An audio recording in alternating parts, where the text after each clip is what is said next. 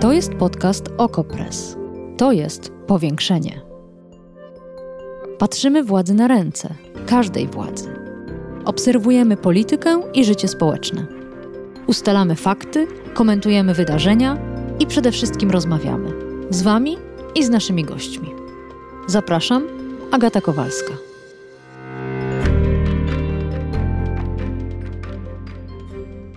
Nie lubi udzielać wywiadów. Jak sam mówi, woli pracować, ale udało mi się namówić go na rozmowę. Stanisław Trociuk, zastępca Rzecznika Praw Obywatelskich, pracownik biura RPO od ponad 30 lat i, jak to określają prawnicy, człowiek instytucja. Zapraszam Państwa na to spotkanie i na powiększenie.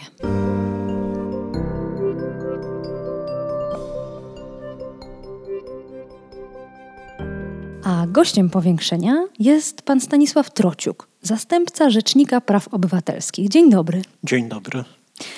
Myślałam, że jest pan tutaj od zawsze, ale nie. Przyszedł pan dwa lata po powstaniu urzędu. Zastanawiam się, czy zatrudniała pana profesor Łętowska? Czy informacja nie jest precyzyjna, bo tak naprawdę instytucję Rzecznika Praw Obywatelskich po raz pierwszy odwiedziłem w 1988 roku, będąc jeszcze studentem i przez rok pracowałem na umowę zlecenie. Natomiast od 1 września 1989 roku jestem pracownikiem Biura Rzecznika Praw Obywatelskich i zatrudniała mnie profesor Ewa Łętowska. Czym się różnił tamten urząd, nowo powołany, od tego, jaki jest teraz, w 2021 roku? Był to urząd o wiele bardziej kameralny, dlatego że w czasie, w którym ja zaczynałem pracę, to w Biurze Rzecznika Praw Obywatelskich pracowało około 40 osób, ale oczywiście była też inna struktura organizacyjna tego biura, dlatego że obsługę administracyjną, kadrową sprawowała Kancelaria Sejmu.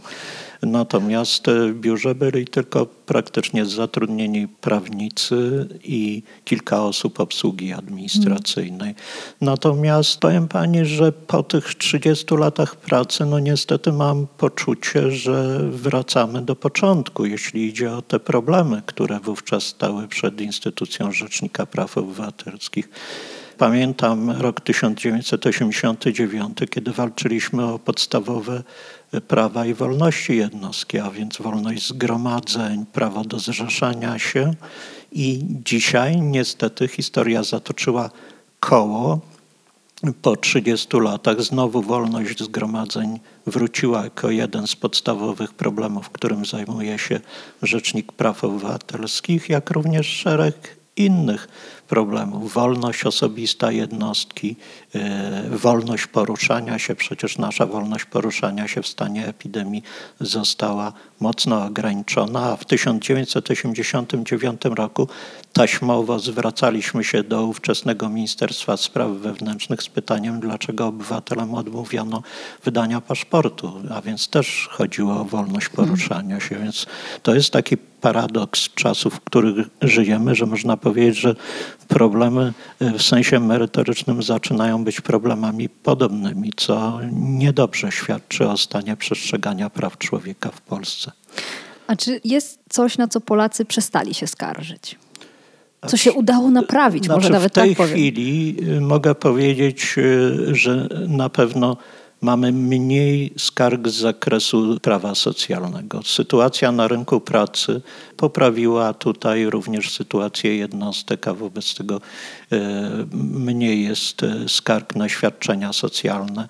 Aczkolwiek e, z kolei w tej chwili w wyniku epidemii wielu przedsiębiorców przeżywa problemy i oni z kolei zwracają się do rzecznika wskazując, że została ograniczona wolność prowadzenia działalności gospodarczej, a wobec tego oni znaleźli się z kolei w trudnej sytuacji materialnej. I to są sprawy, które rzecznik też podejmuje? Tak, oczywiście my podejmujemy, no, bo jeśli uzyskujemy informację, że odmówiono udzielenia pomocy budżetowej z tak zwanych tarcz, które w tej chwili obowiązują, to my sprawdzamy, czy organy władzy publicznej y, miały podstawę prawną, żeby odmówić przedsiębiorcom udzielenia takiej pomocy. A jakie są nowe tematy? Bo krążą takie opowieści, że ponoć pan czyta wszystkie skargi, które wpływają do biura. Czy jest jakiś obszar, który jest nowością od kilku lat? Znaczy, no, nowość wynika z, przede wszystkim dzisiaj z tej sytuacji epidemicznej. Proszę sobie wyobrazić, że w ciągu dosłownie 3-4 dni potrafimy otrzymać 150 skarg tylko dotyczących epidemii, a więc kwarantanna.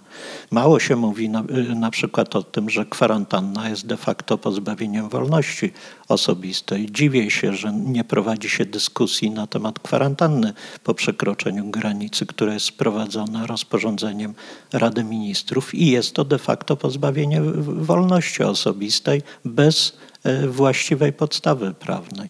To są sprawy, które się w tej chwili pojawiają. W związku e, z demonstracjami po wyroku Trybunału Konstytucyjnego w sprawie ustawy antyaborcyjnej pojawił się szereg zagadnień związanych z wolnością zgromadzeń, z działaniem policji, z używaniem środków przymusu bezpośredniego e, przez policję. Poprzednio oczywiście te skargi do nas wpływały, ale nie wpływały, bym powiedział, w takiej takiej ilości, hmm. w jakiej y, po tych protestach zaczęły wpływać. To są te nowe obszary, które się pojawiły. Oczywiście w tej chwili jesteśmy też na takim etapie, że pojawia się szereg spraw związanych chociażby ze stosowaniem prawa Unii Europejskiej dotyczących czy działalności gospodarczej, czy podatku VAT. Te sprawy wcześniej nie pojawiały się u rzecznika. A dlaczego?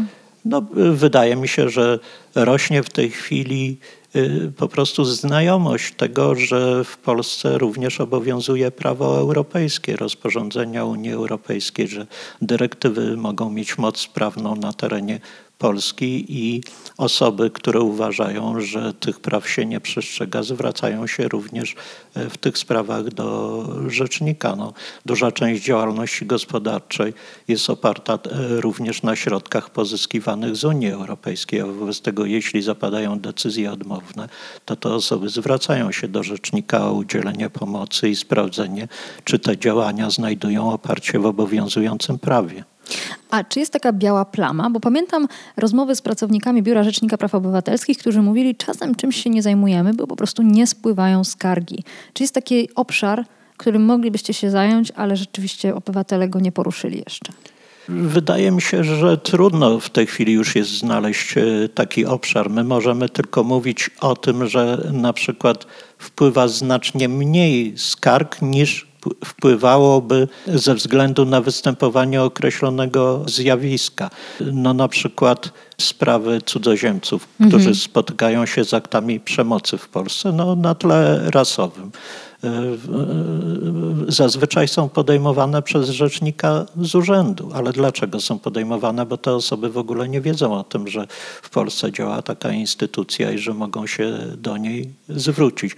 Więc w większości wypadków te sprawy, które my prowadzimy, gdzie może dochodzić do e, przestępstw czy dyskryminacji na tle rasowym, to są sprawy, które są podejmowane z urzędu. Też często sprawy pracownicze dotyczące Ukraińców pracujących w Polsce, gdzie my dowiadujemy się dopiero ze środków masowego przekazu, że dochodzi do naruszenia ich praw pracowniczych. Bardzo często oni nie zwracają się do rzecznika, bo oni nie wiedzą o tym, że mają taką możliwość, że rzecznik, polski rzecznik praw obywatelskich nie jest tylko dla polskich obywateli, ale dla każdego, kto znajduje się pod władzą państwa polskiego, czyli przebywa na terytorium Rzeczypospolitej Polskiej. Hmm. Czy od 1988 roku do dzisiaj kiedykolwiek wstrząsnął urzędem taki kryzys, jaki obserwujemy właśnie teraz?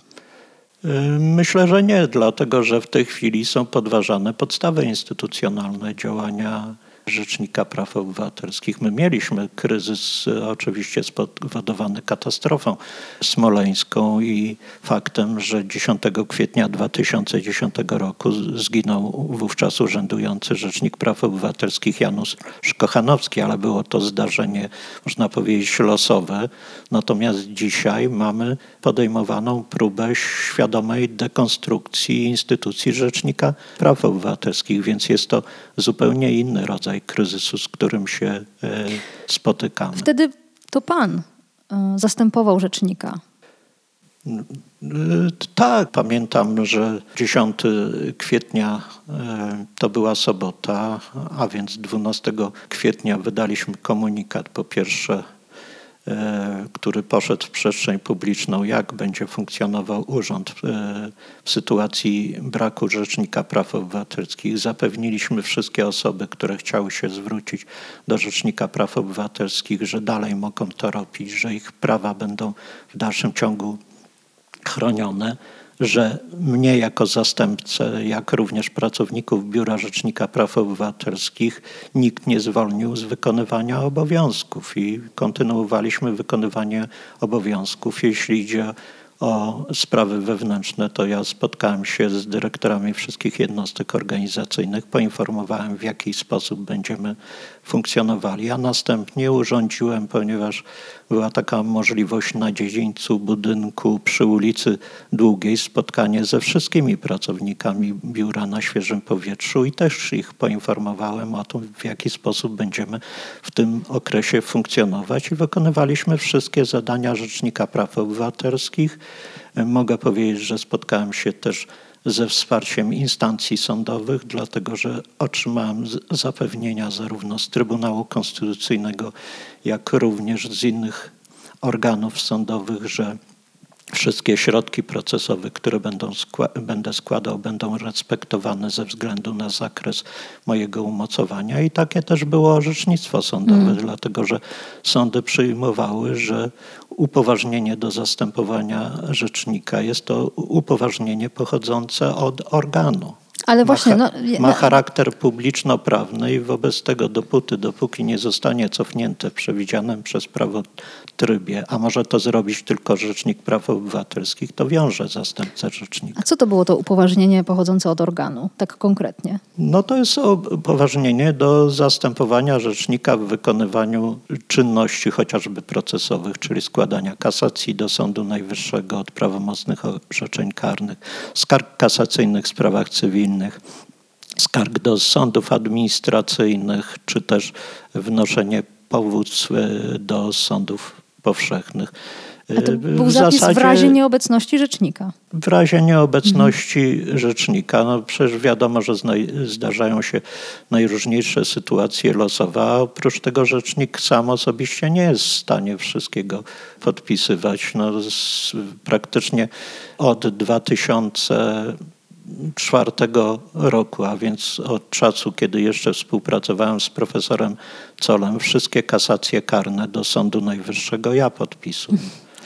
Ja oczywiście nie bez przyczyny o to pytam. Przez trzy miesiące będę starał się tak wykonywać swoje obowiązki, by obywatele nie poczuli, że zostali bez RPO, powiedział wczoraj Adam Bodnar. Być może wydarzy się sytuacja, że obowiązki RPO będzie pełnił mój zastępca. O jakiej sytuacji była mowa?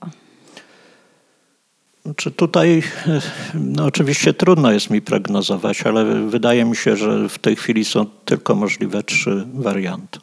Wariant pierwszy, czyli w tej chwili kandydatura mm, osoby, która została powołana przez e, Sejm, e, idzie do Senatu uchwała sejmowa i Senat na posiedzeniu, które zaczyna się 12 maja e, będzie głosował nad tą kandydaturą i albo dojdzie do e, wyrażenia zgody przez Senat i wówczas mamy tylko złożenie ślubowania i objęcie e, urzędu przez osobę, która została powołana przez Sejm, albo odmówi zgody. Wówczas według tych enuncjacji prasowych, które się ukazują, pojawia się projekt nowelizacji ustawy o Rzeczniku Praw Obywatelskich wprowadzający konstrukcję jakiejś osoby, jak rozumiem, pełniącej obowiązki rzecznika. Ja zaraz powiem, co sądzę o tej konstrukcji, jeśli pani pozwoli.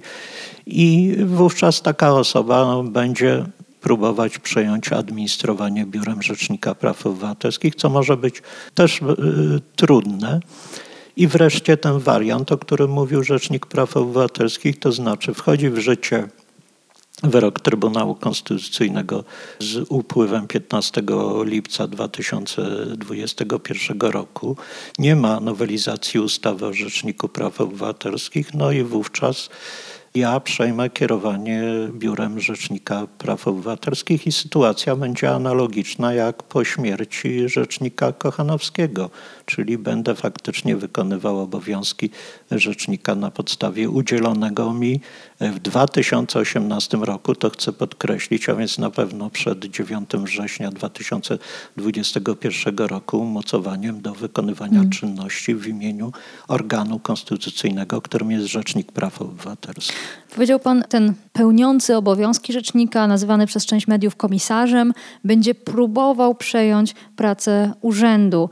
Skąd taka konstrukcja zdania? Co Pan przewiduje? Dlatego, że sytuacja tutaj nie jest analogiczna jak w tych sytuacjach, z którymi mieliśmy do czynienia w niedalekiej przeszłości, czyli powołaniem pełniącego obowiązki prezesa Trybunału Konstytucyjnego, powołaniem pełniącego obowiązki prezesa Sądu Najwyższego, czy też y, teraz w związku z nowelizacją ustawy o Sądzie Najwyższym, powołanie pełniących obowiązki prezesa Izby. Po pierwsze, te osoby miały status sędziego.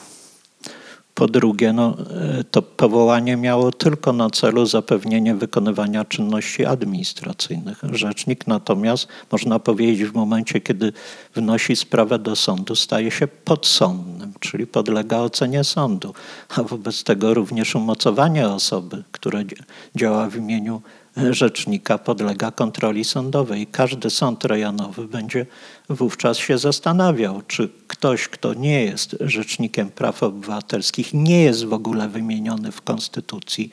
A przypomnę, że zastępca rzecznika praw obywatelskich jest wymieniony w Konstytucji, a więc jest organem konstytucyjnym. Y, czy y, taka osoba w ogóle może wykonywać jakąś czynność y, w imieniu Rzecznika Praw Obywatelskich. To poprosi zastępcę o podpisy. Tak, ale zastępcę rzecznika może tylko powołać Rzecznik Praw Obywatelskich, a więc osoba, która jest ustanowiona przez Sejm za zgodą Senatu. A nie można więcej. po prostu uznać, że Stanisław Trociuk wciąż jest jednym z zastępców rzecznika i to on będzie podpisywał te wszystkie pisma do sądów? No oczywiście, że e, można tak uznać, no tylko trzeba też przyjąć, że podpisywanie pism będzie wchodziło tylko w takim zakresie, w jakim będzie to służyło ochronie praw i wolności jednostki. Ja pracuję tutaj 30 lat i ja, zaczynając pracę jako urzędnik państwowy, ślubowałem, że będę przestrzegał konstytucji i będę chronił prawa i wolności jednostki. Więc oczywiście ja podpiszę każde pismo, które według mojego przekonania służy ochronie praw i wolności jednostki. Natomiast z całą pewnością nie podpiszę pisma, które będzie degradowało tą ochronę e, praw i wolności jednostki. Jest jeszcze jeden scenariusz, a właściwie kontynuacja tego, który omawiamy, że oto marszałek Sejmu przestanie e, zapraszać posłów do zgłaszania kandydatur na nowego rzecznika i utkniemy z owym komisarzem czy tak zwanym pełniącym obowiązki RPO na nieskończoność. No tak, to, to jest, tylko że to jest scenariusz, trzeba sobie powiedzieć, samobójczy dla władzy. Dlatego, że władza będzie wysyłać sygnał do każdego obywatela, który zwraca się do Biura Rzecznika Praw Obywatelskich, że wasze sprawy nie zostaną załatwione. Dlatego, że y, jeśli nie będzie właściwych osób umocowanych do działania w imieniu Rzecznika Praw Obywatelskich, to nie będzie istniała możliwość skutecznej ochrony praw jednostki, więc będzie rosła grupa osób niezadowolonych z tego. Ale to znaczy, że wszystko znów spoczywa na sądach, na ich niezależności, na ich niezawisłości, na ich odwadze przeciwstawiania się władzy. No oczywiście, że tak. No ja w ogóle dzisiaj bardzo dużo mówimy o Rzeczniku Praw Obywatelskich, prawda? Wczoraj chyba jeszcze nie przeżyłem takiego dnia, gdzie przez cały dzień o Rzeczniku Praw Obywatelskich się mówiło, ale nie przeceniajmy roli tej instytucji. Ta instytucja w sensie procesowym ma sens, jeśli po drugiej stronie ma partnera, a więc sądy, Trybunał Konstytucyjny, które są wrażliwe na E, e, zagadnienia ochrony praw człowieka, które są otwarte na przyjmowanie argumentacji dotyczącej ochrony praw człowieka. Jeśli rzecznik nie ma takiego partnera, a w moim przekonaniu w przypadku Trybunału Konstytucyjnego straciliśmy takiego partnera, to ta efektywność działania rzecznika maleje. Także e, ma Pani rację. Ja uważam, że kluczowym tym organem, jeśli chodzi o zapewnienie przestrzegania praw i wolności jednostki, to są sądy. To rzecznik im jak gdyby podaje piłkę, ale to sąd strzela tego gola. Jeśli my kwestionowaliśmy te zakazy epidemiczne, wymierzanie kar, uważaliśmy, że nie ma podstawy prawnej do wymierzania tej kary, no to po drugiej stronie znaleźliśmy partnera chętnego do przyjęcia tej argumentacji, czyli Wojewódzki Sąd Administracyjny, który mówi, że tak, rzecznik ma rację, nie ma podstawy e, prawnej do tego, żeby karać kogoś za naruszenie wolności zgromadzeń, którą można ograniczyć tylko ustawą, a w ogóle ustawą nie można jej zakazać. Więc e, kluczowa rola to jest na pewno rola sądów. E, myślałam, powiem teraz o e, swojej własnej historii, myślałam nad złożeniem wniosku do Rzecznika Praw Obywatelskich we własnej sprawie. Chciałam, żeby przystąpił do naszego postępowania sądowego e, dotyczącego transkrypcji aktu ślubu. I teraz wydaje mi się to ryzykowne, dlatego że taki pełniący obowiązki rzecznika, czy też przyszły rzecznik, ale uzależniony od władzy, mógłby nie zadziałać w mojej sprawie, albo mógłby mi wręcz zaszkodzić. I moja sytuacja jest jeszcze o tyle komfortowa, że ja wciąż nie podjęłam tej decyzji. Natomiast wiele obywatelek i obywateli skarżyło się do rzecznika, ich sprawy są w toku, nie są zakończone i ryzykują to, że potoczą się w zupełnie złym kierunku. Co by im pan radził? Czy na dzień dzisiejszy radzę wierzyć w instytucję Rzecznika Praw Obywatelskich i w to, że my w dalszym ciągu działamy, podejmujemy e, działania w sprawach indywidualnych i w dalszym ciągu w, w tym okresie przejściowym będziemy starali się efektywnie chronić prawa i wolności jednostki. Ja y, mogę mówić przede wszystkim za siebie, ale myślę, że również za dużą część pracowników biura. Nikt nas nie zwolnił z obowiązków które na nas spoczywają. Ja wręcz uważam, że gdybym teraz powiedział, że w tej sytuacji powstrzymujemy się od działań, to narażamy się na odpowiedzialność karną, na niewykonywanie swoich obowiązków. Natomiast no, trudno mi powiedzieć, prawda, co się będzie działo za ileś miesięcy, w jakiej formule organizacyjnej ta instytucja będzie działała i czy prawda, będzie działała, bym powiedział, w sposób rzeczywiście chroniący prawa jednostki. Ja właśnie na podstawie tego długoletniego doświadczenia mogę powiedzieć, że ja już broniłem wszystkich, prawda? I z lewicy, i z prawicy, i broniłem pana obecnego prezesa Orlenu, który dzisiaj nas ostro atakuje, pana Obajtka, kiedy o 6 rano pukano do niego do domu i prawda, zatrzymywano go, bo uważałem, że w państwie prawa istnieje coś takiego jak możliwość zaproszenia na przesłuchanie i przedstawienie zarzutów i niekoniecznie trzeba prawda, ludzi skuwać w kajdanki i doprowadzać w celu postawienia zarzutów. I takie prawa przysługują osobom, które mają poglądy lewicowe, prawicowe, jakiekolwiek inne, wierzącym, niewierzącym. Moim zdaniem, jeśli idzie o prawa człowieka, no to one mają charakter jednak obiektywny i przysługują każdemu i Dlatego potrzebna jest niezależna, niezawisła, bezstronna instytucja, która nie będzie się kierowała rachunkiem politycznym, podejmując te działania. W czasach, y, kiedy rządziła Platforma Obywatelska, z PSL-em. Przecież to Rzecznik Praw Obywatelskich między innymi skarżył likwidację OFE do Trybunału Konstytucyjnego. Czy to było wygodne dla ówczesnej władzy? Było bardzo niewygodne. Reprezentowałem Rzecznika w tym postępowaniu przed Trybunałem Konstytucyjnym. Sam konstruowałem ten wniosek do Trybunału Konstytucyjnego i nie oglądaliśmy się na to, kto aktualnie rządzi, tylko po prostu rozpatrywaliśmy skargi, które wpływały na tą ustawę do Rzecznika Praw Obywatelskich. Brakuje panu Trybunału, tego prawdziwego? Brakuje mi, dlatego że od 1995 roku reprezentowałem rzecznika przed Trybunałem Konstytucyjnym. Prawdopodobnie napisałem najwięcej w Polsce spośród prawników wniosków do Trybunału Konstytucyjnego, przystąpień do skargi konstytucyjnej czy stanowisk i uważam, że prawidłowo funkcjonujący Trybunał, co zresztą dzisiaj wszyscy widzą, bo w 2015 roku pod koniec w grudniu jeszcze pewnie nie dostrzegano. No, jest ważną instytucją e, w Polsce i e, brak prawdziwego Trybunału Konstytucyjnego, gdzie zasiadały wówczas największe autorytety prawnicze. Czy o tych osobach, które obecnie zasiadają e, w Trybunale Konstytucyjnym ktoś potrafi powiedzieć, że to są wielkie autorytety prawnicze. No, mówi się inne rzeczy, ale nie będziemy przytaczać. To już tak na koniec. Ponoć też mówiło się, że jak rzecznik Trociuk występuje przed Trybunałem, to nie ma na niego mocnych, bo nawet te największe autorytety prawnicze nie były w stanie pana zagiąć na żadnym pytaniu. To prawda? Znaczy, wie pani, y, trudno mi siebie o, oceniać. No to, to już jest y, kwestia oceny zewnętrznej. Ja mogę powiedzieć, że zawsze starałem się to, co robię, wykonywać profesjonalnie, na tyle, na ile umiałem. Zawsze starałem się właśnie okazywać w ten sposób szacunek Trybunałowi Konstytucyjnemu, że przychodziłem do niego dobrze przygotowany. Trybunał też bywał przygotowany, teraz trochę to jest inaczej. Jeśli Sejm wybierze w legalnej procedurze nowego rzecznika praw obywatelskich i będzie to na przykład obecny poseł, pozostanie pan w biurze? Nie wiem, to jest trudne pytanie.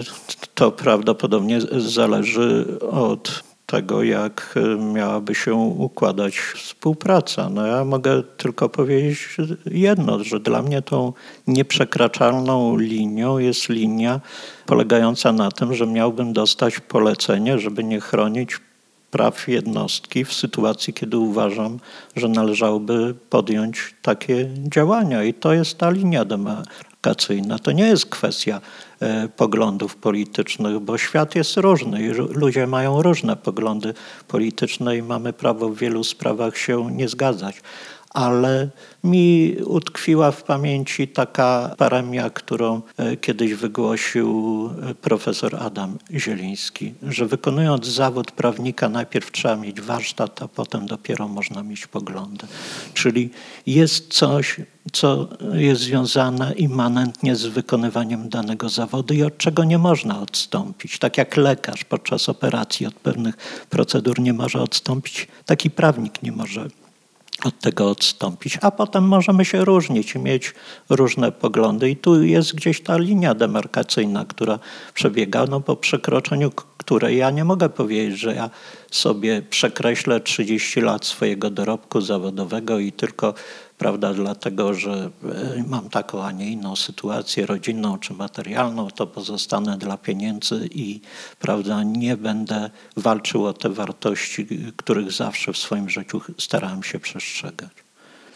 Dziękuję bardzo za rozmowę. Dziękuję. Powiększenie. Podcast Okopres. Prowadzenie Agata Kowalska. Podcast znajdziesz na stronie Okopres i w Twojej ulubionej aplikacji do podcastów. Redakcja Okopres działa od 2016 roku. Jesteśmy obywatelskim narzędziem kontroli władzy, obecnej i każdej następnej. Okopres utrzymuje się z Waszych darowizn. Wesprzyj nas, byśmy mogli działać dalej.